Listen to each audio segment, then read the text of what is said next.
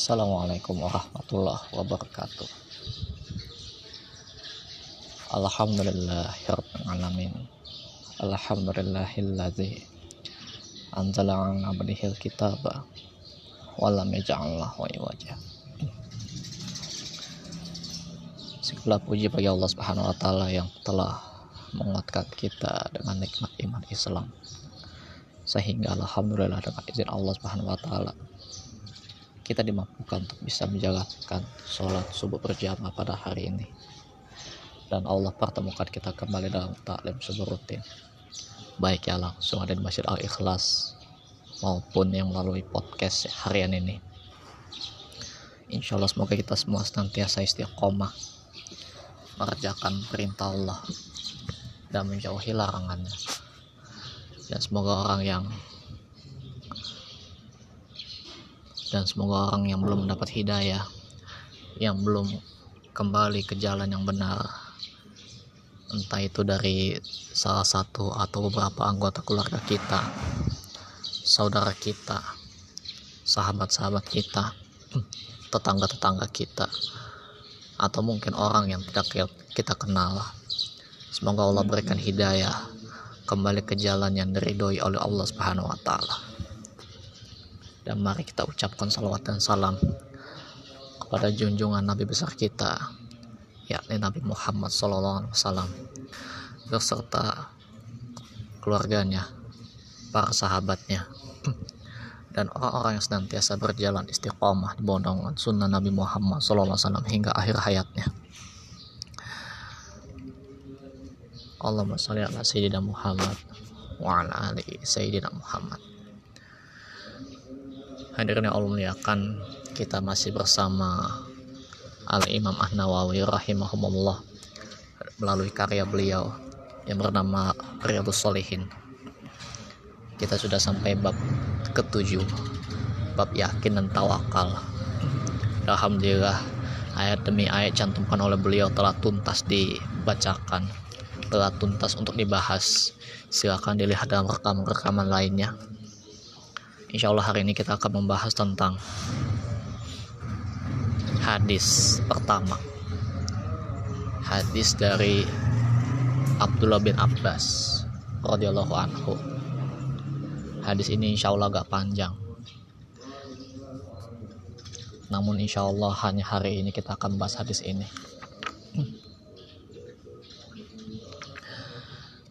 Kita simak baik-baik.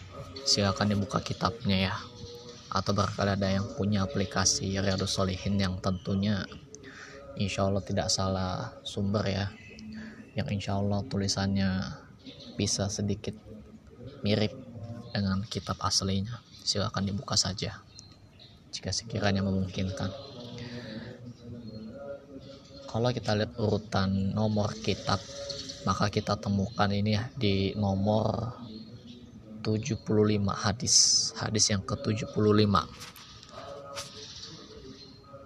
kalau punya kitab aslinya yang dari cetakan Darul Haq maka insya Allah ini akan ditemukan halaman 112 dan hadis ke-75 atau hadis pertama dari bab yakin dan tawakal adalah dari Abdullah bin Abbas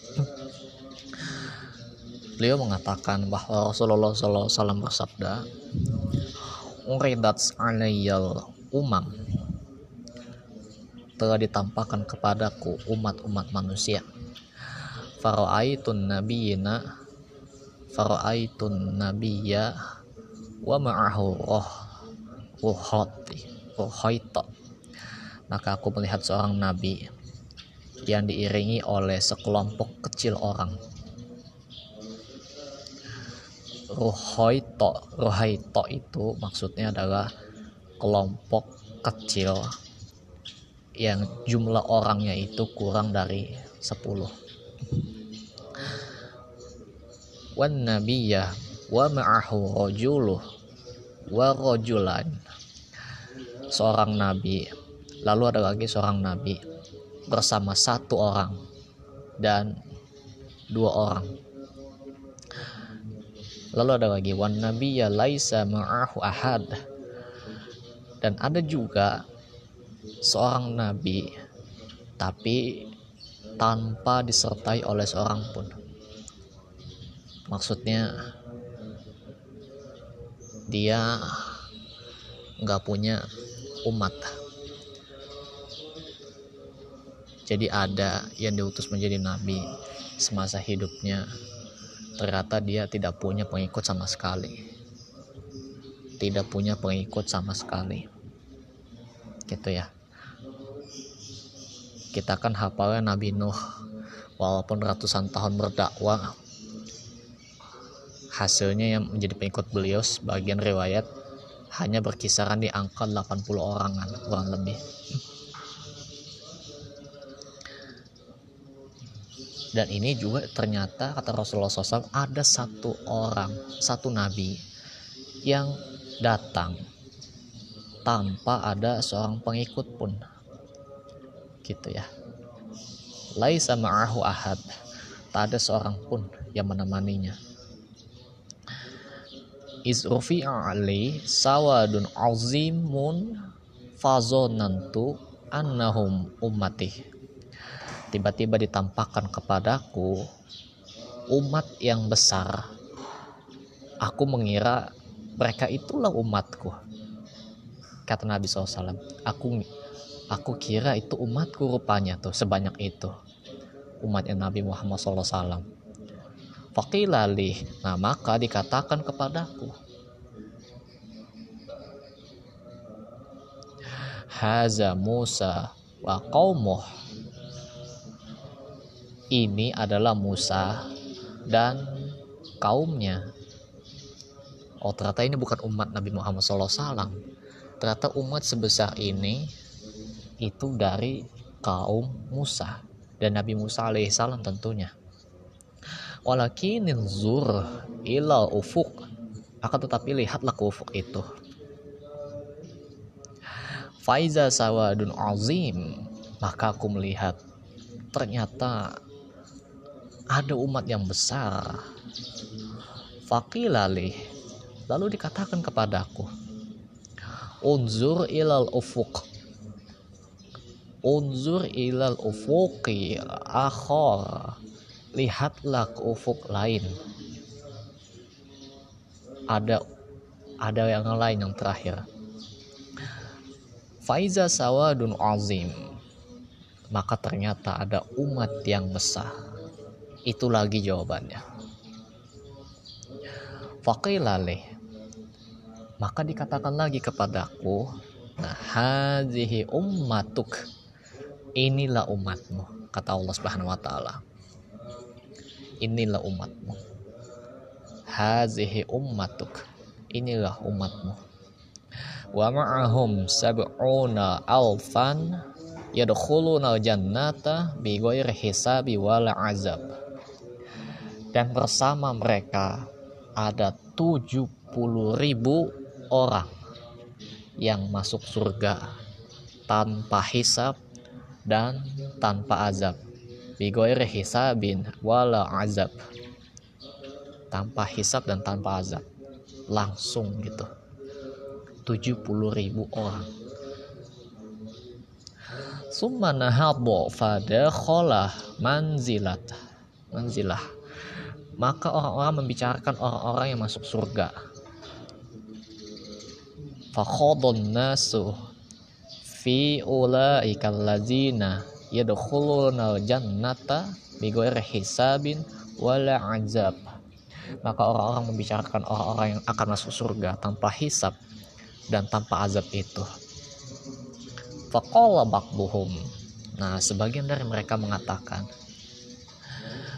"Fala fala'allahumul ladzina sahibu. Rasulullah SAW barangkali mereka adalah orang-orang yang menyertai Rasulullah SAW kalau kata kita wajar lah 70 ribu orang doang. Kayaknya mereka itu kan selamanya selalu ikut Nabi. Nabi melakukan ini diikutin. Ketika beliau melarang jam melakukan ini mereka langsung diturutin. Nabi SAW pakai ini diikutin dipakai. Anggapan mereka begitu sebagian. Dan ini menunjukkan ada yang kita pun juga mungkin punya asumsi seperti itu. Kalau masuk surga tanpa hisap dan tanpa azab harus seperti itulah pokoknya. Ikut sunnah nabi aja gitu ya bilangnya bahasanya. Tapi ada lagi waqala ba'buhum sebagian lainnya mengatakan fala'allahumul ladzina wa wulidu fil Islam. Barangkali mereka adalah orang-orang yang dilahirkan di dalam Islam. Falam yusyriku billahi syai'ah wa zakaru asyah. Sehingga mereka tidak pernah menyekutukan Allah sedikit pun. Tidak berbuat syirik gitu ya terlepas ini syiriknya bahasa umum ya. Bisa syirik kecil maupun syirik besar yang dimaksudkan. Uh, wazakaru asyah. Dan mereka menyebut kemungkinan lain gitu. Fakharaja alaihim Rasulullah SAW kemudian Rasulullah SAW keluar menemui mereka Fakolah dan bersabda, Malazi takhuduna fi apa yang kalian perbincangkan? Kalian lagi bicara apa gitu? Kalian lagi ngomong ngomong tentang apa nih gitu? Kalau kata bahasa kita mah kepo lah gitu. Fa'akhbaruhu faqala Lalu mereka menceritakan kepada beliau apa yang di diceritakan tadi. Ternyata hadis yang tadi kita baca itu barusan itu adalah cerita-cerita dari sahabat. Ternyata itu menceritakan uh, obrolan para sahabat. Mereka membicarakan orang yang masuk surga tanpa hisab dan tanpa azab itu seperti apa sih orangnya? Ciri-cirinya apa gitu? Nah fakola maka Nabi SAW bersabda to the point gitu ya. Inilah jawaban aslinya. Mengapa mereka bisa masuk surga tanpa hisap dan tanpa azab? Humul ladzina la yaquna wala yastarquna wala yatatayyarun. Mereka adalah orang-orang yang tidak merukiah dan tidak meminta dirukiah Maksudnya tidak meminta rukyah itu bagaimana? Ada lanjutannya. Wala tatoyarun. Tidak berbuat tatoyur.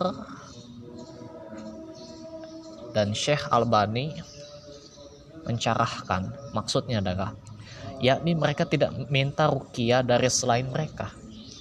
Tidak berbuat tatoyur maksudnya adalah tidak merasa pesimis dengan burung atau semisalnya begitu. Lalu mereka masuk surganya seperti apa dong? Tatoyur itu kan salah satu bentuk tawakal. Tapi tawakal ke selain Allah. Sebagian ulama atau ustadz-ustadz kita mengatakan tatoyur itu adalah menganggap anggapan sial gitu. Anggapan kesialan tanpa sebab yang jelas. Tanpa sebab yang jelas tapi belum selesai. Inilah kunci orang yang masuk surga tanpa hisap dan tanpa azab. Wa rabbihim. Dan hanya kepada Rob mereka mereka bertawakal kepada Allah.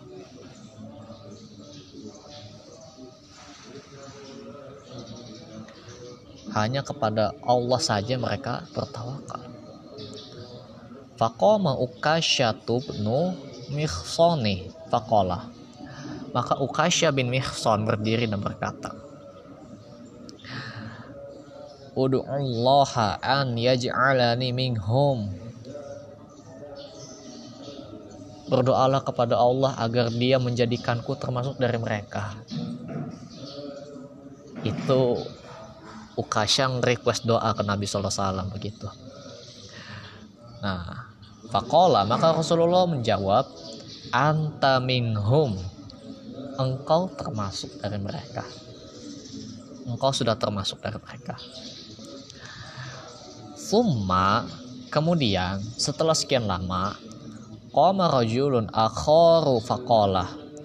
Kemudian ada seorang laki-laki yang lain berdiri dan berkata Allah an yaj'alani minhum berdoalah kepada Allah agar Allah menjadikanku termasuk mereka.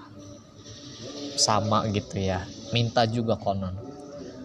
Nah fakola. Maka Rasulullah bersabda menjawab sabakoka biha ukasyah engkau telah didahului oleh ukasyah hadisnya mutafak alaih.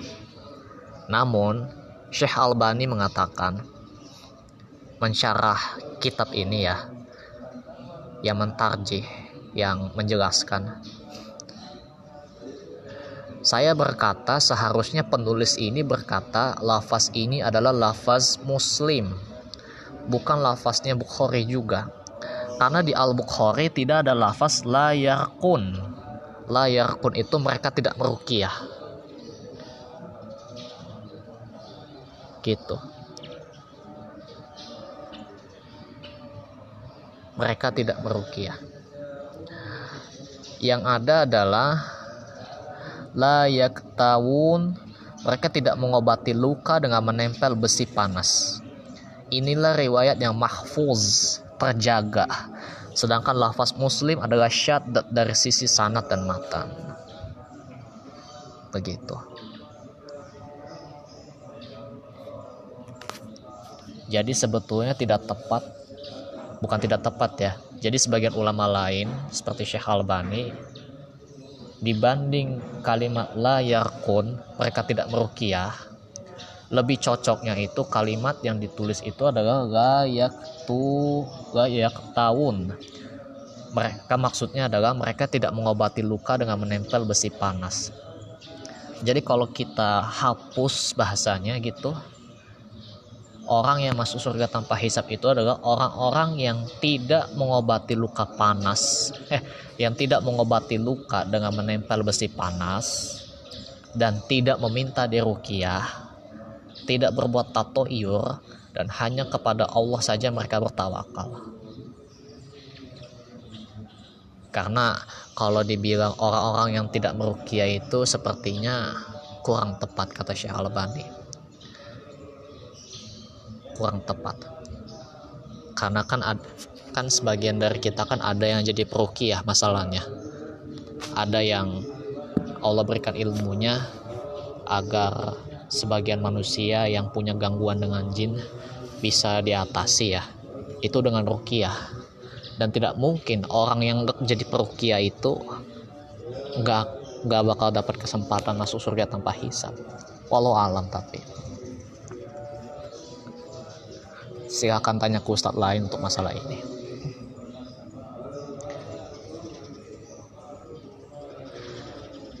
Hadirnya Allah melihatkan di antara orang yang masuk surga ada yang langsung masuk ke dalamnya. Ada pula yang harus menunggu lama. Dan ada juga yang harus mampir dulu ke neraka. Jika bisa memilih pastilah. Kita pengen langsung masuk tanpa harus nunggu gitu. Tanpa harus mampir ke neraka dulu. Masuk aja gitulah. Langsung masuk surga gitu. Tanpa tanpa dihisap tanpa diazab apalagi. Gimana caranya? Jadi pembahasan tatoyur itu adalah adalah bahasan tawakal. Dan bahasa tawakal di sini itu lebih merujuk ke tauhid ya. Kita kalau kita belajar tauhid maka kita akan ketemu yang namanya tawakal. Tawakal ke selain Allah bisa disebut tatoyur ujub maupun bersumpah dengan menyebut nama selain Allah. Itu lawan dari tauhid. Tapi kita nggak akan fokus ke detail-detailnya. Kita akan fokus ke pembahasannya hadirin Allah muliakan. Kita mungkin semua sepakat tauhid adalah tujuan hidup kita. Tauhid merupakan ilmu yang paling agung kewajiban yang paling wajib asasnya dan perintah Allah yang terbesar. Dan tentunya kita semua sepakat para nabi dan rasul misi terbesar mereka diutus oleh Allah Subhanahu wa taala bukan agar kita bisa sholat tapi agar kita punya pemahaman tauhid. Mereka menyampaikan tauhid. Dan sholat itu adalah pembuktian tauhid itu sendiri. Gitu ya. Jadi orang bertauhid itu pasti sholat tapi kita lihat tujuan para nabi dan rasul itu tujuannya bukan agar kita bisa sholatnya. Bukan berarti mereka nggak sholat. Tapi agar pemahaman tauhid kita membimbing kita untuk senantiasa hanya beribadah kepada Allah. Meminta pertolongan kepada Allah dan bahasa meminta pertolongan kepada Allah ini kan disebutnya tawakal. Dan berarti kita hanya bertawakal kepada Allah Subhanahu wa taala semata. Oleh karena itu, keistimewaan didapatkan oleh ahli, tauhid atau alam muwahidin, orang-orang yang mentauhidkan Allah, itu sangat banyak dan sangat besar. Gak main-main loh ini. Salah satu keutamaan yang bisa kita sebutkan satu persatu. Insya Allah ada empat. Yang pertama adalah ahli tauhid mendapatkan keamanan dan hidayah sebagaimana kita sudah sering baca surat Al-Fatihah. Ihdinas suratal mustaqim. Tunjukkanlah kepada kami jalan yang lurus. Jalan yang lurus itu adalah tauhid. Suratal mustaqim itu adalah tauhid. Dan kita insya Allah akan bedah nanti satu demi satu. Jika memang ada kesempatan untuk membahas itu tempat kembali ahli tauhid adalah surga. Allah Ta'ala menyelamatkannya dari neraka. Lalu yang ketiga, kalau yang tadi yang kedua ya, tempat kembalinya itu surga. Kalau yang ketiga, ahli tauhid mendapatkan kesempatan diampuni seluruh dosa-dosanya. Dan yang keempat, timbangan tauhid beratnya mengalahkan timbangan langit dan bumi dan puncak keutamaan yang dianugerahkan kepada ahli tauhid adalah mendapatkan kesempatan masuk surga tanpa hisap dan tanpa azab. Dan hadirnya Allah muliakan. Mungkin ini insya Allah agak panjang ya. Insya Allah agak panjang. Kita akan bahas. Berikut ada sebuah hadis yang menggambarkan kelompok orang-orang mendapatkan puncak keutamaan yang dianugerahkan kepada Allah. Dianugerahkan oleh Allah kepada ahli tauhid yaitu masuk surga tanpa hisab dan tanpa azab. Husain bin Abdurrahman berkata bahwa Sa'id bin Jubair berkata Siapakah di antara kalian yang melihat bintang jatuh semalam? Itu kata Husain bin Abdurrahman dan Husain bin Abdurrahman ini menjelaskan perkataan Said bin Jubair. Siapakah yang di antara kalian yang melihat bintang jatuh semalam? Nah, aku pun menjawab saya gitu. Lalu saya berkata, Adapun saya ketika itu tidak sedang sholat, tapi terkena sengatan hewan berbisa. Kemudian ia bertanya, Lalu apa yang Anda kerjakan? Udah disengat hewan berbisa tuh. Lagi nggak sholat gitu ya. Terus katanya konon ngeliat bintang jatuh. Abis itu kena sengatan hewan berbisa. Setelah itu ada yang bertanya, apa yang Anda kerjakan setelah itu? Saya pun menjawab, saya minta dirukiah Rukia adalah pengobatan dengan pembacaan ayat-ayat Al-Quran atau doa-doa ataupun lafaz-lafaz tertentu secara bahasa. Ia bertanya lagi, apa yang mendorong Anda melakukan hal tersebut? Sebuah hadis yang dituturkan Asyahbi kepada kami. Jawabku. Ia pun bertanya lagi, apa hadis yang dituturkan oleh Asyahbi kepada Anda? Saya menyampaikan, dia menuturkan hadis dari Buraidah bin Husayb bahwa ia berkata, tidak ada rukia yang lebih bermanfaat kecuali untuk penyakit ain. Ain itu adalah pengaruh buruk yang disebabkan oleh rasa dengki seseorang melalui matanya atau terkena sengatan hewan berbisa. Kalau kita bicara ain berarti ini bicara dampak buruk orang yang hasad.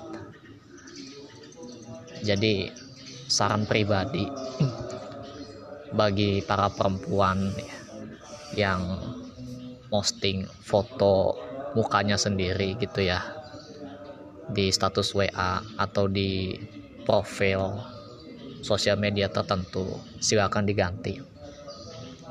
Atau semuanya sama sebetulnya baik laki-laki maupun perempuan karena khawatir ketika kita punya seseorang yang dengki sama kita itu bisa jadi kita terkena angin nantinya dampaknya. Nanti insya Allah mungkin ada ustadz lain menjelaskan tentang bahayanya. Karena pengaruh ain itu bisa ditularkan melalui mata. Mata orang yang hasad ya. Orang yang hasad. Orang yang dengki ketika kita punya nikmat dari Allah Subhanahu wa taala gitu Nah, Sa'id berkata, Alangkah baiknya orang yang beramal sesuai dengan dalil yang didengarnya. Namun Ibnu Abbas radhiyallahu anhu menuturkan kepada kami hadis dari Nabi Shallallahu alaihi. Beliau bersabda, "Aku telah diperlihatkan beberapa umat oleh Allah." Seperti hadis tadi. Lalu aku melihat seorang nabi bersama beberapa orang. Tadi mengatakan roh ikrah tadi bunyi hadisnya adalah Rohaito Rohaito itu kelompok yang tidak lebih dari 10 orang. Lalu seorang nabi bersama seseorang dan dua orang serta seorang nabi yang sendirian tanpa umat laisa ma'ahu ahad. Nabi yang sendirian tidak punya umat tiba-tiba ditampakkan kepa kepadaku sekelompok orang yang sangat banyak. Ummamun ummatun azim. Aku mengira mereka itu umatku namun disampaikan kepadaku itu adalah Nabi Musa dan kaumnya. Begitu. Begitu seterusnya diloncat ya. Kita baca ulang hadisnya. Pengertian terjemahannya. Sampai kita singkat saja um, ada umat Nabi SAW yang jumlahnya 70 ribu orang. Masuk surganya tanpa hisap dan tanpa azab. Nah dari situlah kemudian beliau bangkit dan masuk rumah. Nabi SAW bangkit dan masuk rumah. Orang-orang pun membicara memperbincangkan tentang siapa mereka itu. Ada yang mengatakan itu kan barangkali sahabat Rasulullah SAW aja kali ya yang 70 ribu sahabat itu mereka biasa nempel sama Nabi SAW wajar lah mereka bisa masuk surga tanpa hisap gitu. Dikit-dikit mereka dibimbing kalau bertawakal hanya ke Allah doa hanya ke Allah. Begitu seterusnya gitu ya anggapannya. Ada lagi yang mengatakan barangkali orang yang masuk surga tanpa hisap itu orang yang dilahirkan dalam lingkungan Islam kali ya. Bukan lingkungan orang yang tanda kutip maaf dikit-dikit ada kemusyrikan dikit-dikit ada tatoyur dikit-dikit ada uh, semacamnya ya agenda kemusyrikan lainnya. Jadi mereka wajar lah nggak pernah menyekutukan Allah gitu. Nggak pernah menduakan Allah kalau bahasa kita. Dan mereka menyebutkan yang lainnya pula banyak asumsi. Nah ketika Rasulullah SAW keluar mereka memberitahukan hal tersebut kepada beliau benar gak sih apa yang kami sampaikan nih? Gitu ya. Nah maka Nabi SAW bersabda demikian. Menjelaskan tadi menjelaskan siapakah orang yang masuk surga tanpa hisap dan tanpa azab bahkan. Humul lazina la yarquna. Yarquna ini tadi di tahrij oleh Syekh Albani diganti dengan la yak tahun. Mereka tidak mengobati luka dengan menempel besi panas.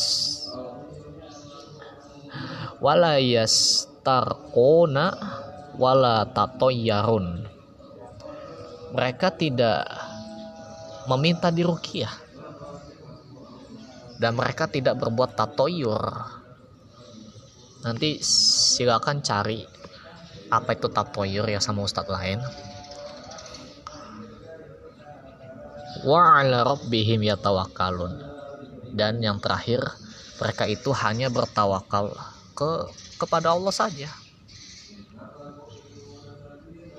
Begitu. Apa sih tatoyur tapi?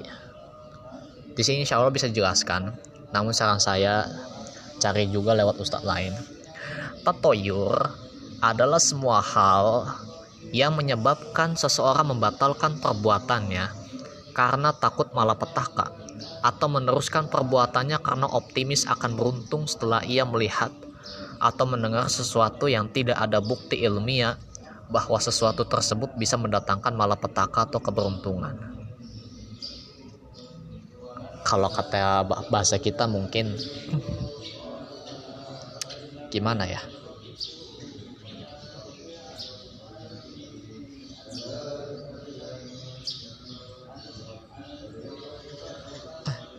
Tatoyur itu adalah suatu persangkaan yang tidak ada bukti dasar yang jelas yang masuk di akal gitu ya.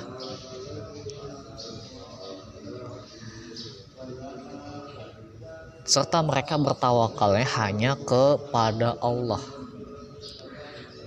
Tawakal itu adalah bersandarnya hati kepada Allah dengan menyerahkan segala urusan kepadanya dalam mendapatkan manfaat atau menolak bahaya atau kerugian diiringi dengan percaya kepadanya dan mengambil sebab yang diizinkan dalam syariat Islam hanya kepada Rob mereka. Dan ini sudah kita pahami, ini sudah dijelaskan berulang, ini adalah definisi dari definisi dari Al-Imam Ibnu Rajab Al-Hambali ya dalam kitab Jamil Wal Hikam. Nah, kemudian Ukasha bin Mison berdiri dan berkata, Ya Rasulullah doakanlah ke saya. Doakanlah mohonkanlah kepada Allah agar saya termasuk golongan mereka. Gitu. Tolong doain saya sih ya Rasulullah agar saya bisa termasuk golongannya mereka gitu kata kita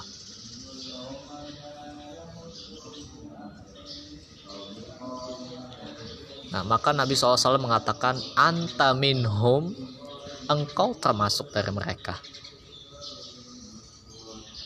Jadi kalau mau nyebut satu orang, anta ya, bukan antum. Antum itu kalian. Kita kan kebanyakan kalau berbicara dalam kehidupan sehari-hari ngomong berdua, kok manggilnya antum gitu ya. Anta atau enggak anti. Kalau ngomongnya ke perempuan. Kalau ngomong ke laki-laki ya anta. Anta siapa gitu? Anda ini siapa? Nah siapanya ini laki-laki itu pakai nama Anta. Kalau ah anti siapa? Berarti nama Anda siapa? Gitu. Antinya itu perempuan kalau yang ditanya. Tentu kita belajar lagi ya ilmu bahasa Arab ya. Yang berbicara tentunya juga belum memahami semuanya. Kita belajar bersama-sama tapi untuk saling berbagi tentang ilmu agama Islam.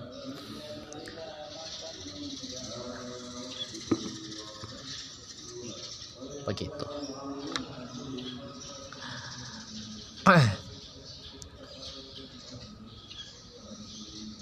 Lalu ada lagi summa koma rojulun akhor fakola. Kemudian ada laki-laki lain berkata, Allah an yaj'ala minhum. Mohonkanlah kepada Allah agar saya termasuk golongannya mereka. Nah maka Nabi SAW menjawab, Fakola sabakoka biha ukasyah engkau telah didahului oleh Ukasha begitu.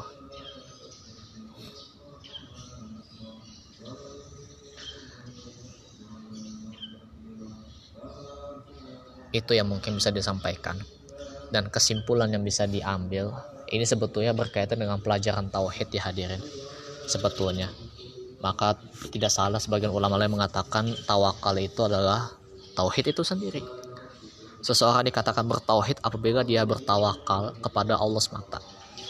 Kalau dia bertawakal kepada Allah berarti ilmu tauhidnya perlu dipertanyakan ya. Nah tentu kita minta pertolongan kepada Allah agar Allah berikan kepada kita ilmu yang bermanfaat yang akan memberikan kepada kita penghidupan yang layak secara keimanan kita yang akan mengokohkan iman kita. Amin ya rabbal alamin.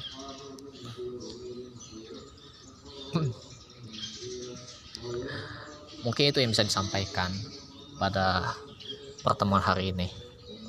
Insya Allah silakan cari definisi tatoyur dengan lebih lengkap beserta contohnya ya dengan ustadz-ustadz lain yang lebih memahami tentunya. Insya Allah masih dari Ibnu Abbas radhiyallahu anhu namun berbeda hadis.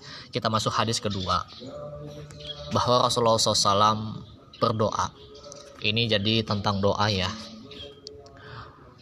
Ini silakan dibaca insya Allah silakan dicari Allahumma laka aslamtu wa bika amantu wa alaika tawakkaltu wa ilaik wa ilaika anabtu wa bika khosamtu Allahumma a'udzu bi'izzatik bi'izzatik la ilaha illa anta.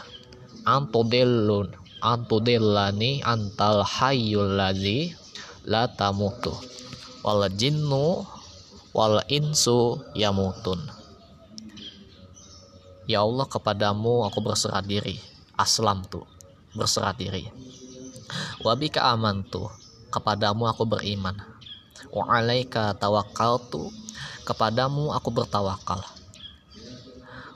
Wa ilaika betul kepadamu aku kembali.